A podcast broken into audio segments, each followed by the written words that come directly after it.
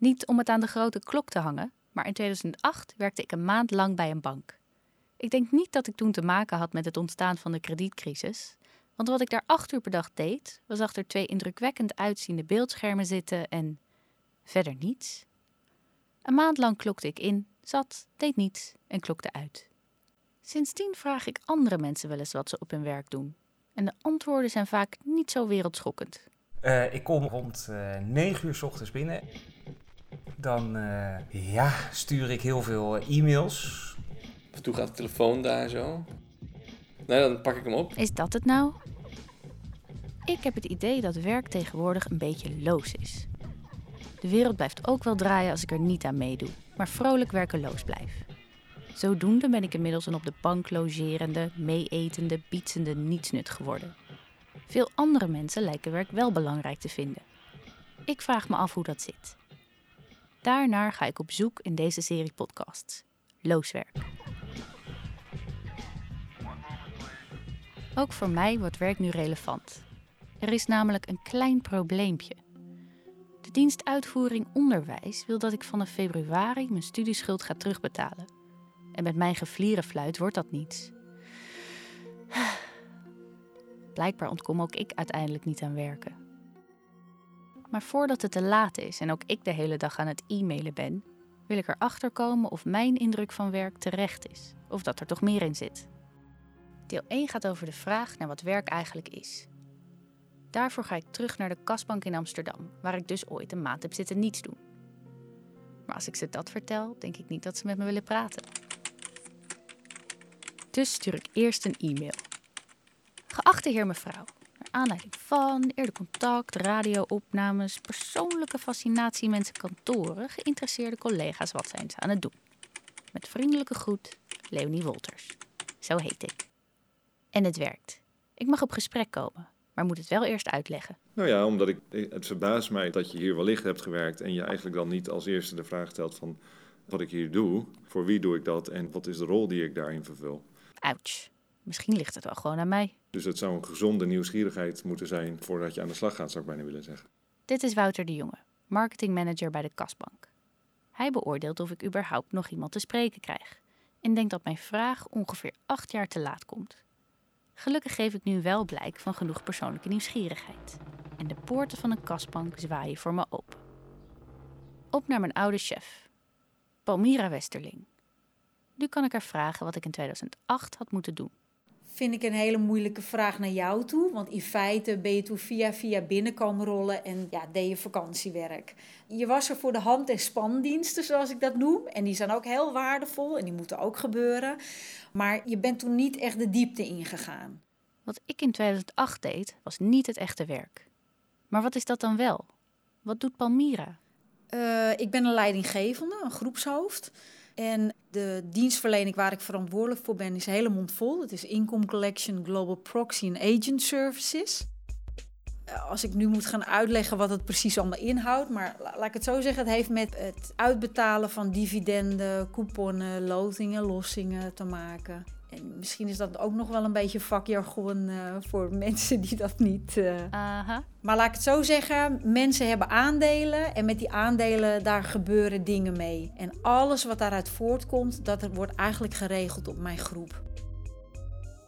Als je niet hier uit de business komt, is dat soms al moeilijker te begrijpen. Want het is echt heel specialistisch werk wat we hier doen. Palmira vindt het wel logisch dat ik niet precies door had wat ik bij de kasbak moest doen. Misschien is het wel de bedoeling dat het mij boven de pet gaat. Het werk is complex en wordt volgens Palmira alleen maar complexer. Vanuit DNB. De Nederlandse Bank. Vakterm. Er komen heel veel eh, regels, restricties, moeten we heel veel rapporteren. bijvoorbeeld voor de ISAE 3402. Regelgeving. Jargon. Moet ik ook aan kunnen tonen dat ik in control ben. Ook al is het proces goed gegaan, moet ik het alsnog kunnen aantonen. En dat is denk ik een heel groot verschil met hoe het vroeger ging.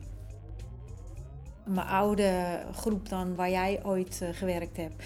In feite zijn ze het settlement platform aan het harmoniseren. Omgaan met complexiteit lijkt een essentieel onderdeel van modern werk. Maar ook het verminderen van die complexiteit bijvoorbeeld door een settlement platform te harmoniseren. Maar stel nu dat alles al is geharmoniseerd. Is er dan nog wel werk om te doen? Ja, zo snel zal het niet een vaart lopen. Ik denk dat de wereld daar toch wel te dynamisch voor is. En de mens te vindingrijk, die zal altijd wel weer wat verzinnen, zeg maar, waar we dan ook weer mee om moeten gaan. Op een bepaalde manier creëren we dus ons eigen werk. Dat gaat om het scheppen en weer versimpelen van een complexe wereld. Wilde Palmyra dat ook al doen toen ze nog een klein meisje was? Of wilde ze eigenlijk iets anders worden? Zangeres. maar dat, dat doe ik nog steeds hoor. Uh, ik heb ooit een band opgericht binnen de kastbank. Toen we het uh, pand in de Spuistad gingen verlaten, hebben we daar eigenlijk een afscheidslied gezongen.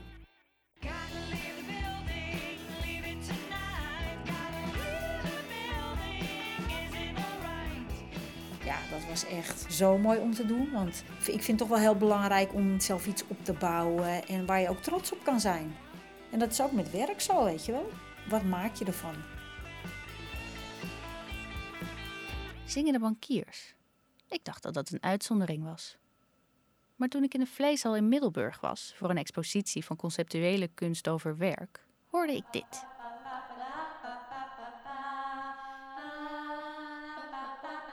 Ze repeteren een stuk van kunstenares Kali Spooner dat over bankiers gaat. Kali's kunst heeft te maken met concepten uit het werkende bestaan, zoals human resources en outsourcing. Ik was verrast door de link tussen het bankwezen en de hersenspinsels van een Britse kunstenares. In een gesprek met Kali kwam ik erachter dat ze nu heel conceptueel werk maakt, maar ook veel werkervaring heeft. I've had loads of jobs. I mean, we've all had loads of jobs. We've all worked in all sorts of places. That's the nature of the beast, isn't it? Die werkervaring is nu inspiratie voor haar kunst. Doordat ze er kunst van maakt, heeft Kali veel over haar eerdere werk nagedacht. Bijvoorbeeld over haar saaiste baantje ooit. Oh, when I was working as a planogrammer. this is the dullest job I've ever had. I was working for a supermarket head office. My job was to sit in front of a computer and you would have these sorts of abstract shapes, like blocks. It was like it was like the worst game of Tetris ever. and you would just move boxes around, and th- these boxes would represent, um, I don't know, cat food or chocolate. And I never, at any point, understood what I was supposed to be doing. Als degene die het werk zelf doet er ook niets van begrijpt, wordt de situatie een beetje absurd. Dan lijken dingen als jargon alleen maar te bestaan om de loosheid van werk een beetje toe te dekken. Zo merkte Kali dat juist het Tetris-baantje wel alle uiterlijke kenmerken van echt werk had. It was like well paid, you're in an office, you have to wear nice clothes, you have meetings and stuff. You know, everything is like very reasonable. But it just didn't make any sense. Ik dacht dat Kali haar huidige kunstwerk wel als echt werk zou beschouwen. Maar toen ik haar dat vroeg, noemde ze iets heel anders. The most gratifying space to work is like just being a waitress in a restaurant. I guess it's like because it's that idea of like if you don't do what you're supposed to do, it's super clear that like you've not done what you're supposed to do and everything is, is a disaster. Essentieel voor Kali is dat je zelf in ieder geval weet wat werk is en waar je het voor doet. En juist dat gevoel ontbreekt volgens haar in veel moderne banen. I do believe that like a lot of forms of work are like that, where perhaps things get quite large. It's somehow difficult to understand the relationship between your actions and the impact those actions have and what they actually do in the world. Kali's mijmeringen doen me denken aan iets dat de marketingmanager van de kasbank tegen me zei. Functies worden gecreëerd omdat er een bepaalde behoefte is. Dus iedereen heeft een bepaald schakeltje in het systeem en, en heeft daardoor een bijdrage aan, aan, een resultaat, in dit geval van de bank. Maar iedereen is daarin uh, essentieel.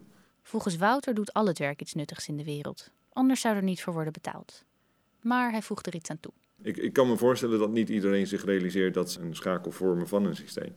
Ik denk inderdaad dat mensen zich veel meer moeten realiseren dat ze wel degelijk een, een goede bijdrage kunnen leveren of moeten willen leveren. Als bankiers en kunstenaars het eens zijn, moet er wel iets in zitten. Jammer dat modern werk zo onduidelijk is. Sterker nog, het moet onduidelijk zijn. Want als het onduidelijk is, betekent dat dat het specialistisch is en status heeft. Maar soms schiet het een beetje door en dan weet niemand meer waar het werk over gaat. Heeft Wouter gelijk? Kunnen we van ieder baantje leren begrijpen waar het goed voor is? Is werk per definitie nuttig? En is dat nut belangrijk? Daarover gaat deel 2 van Looswerk.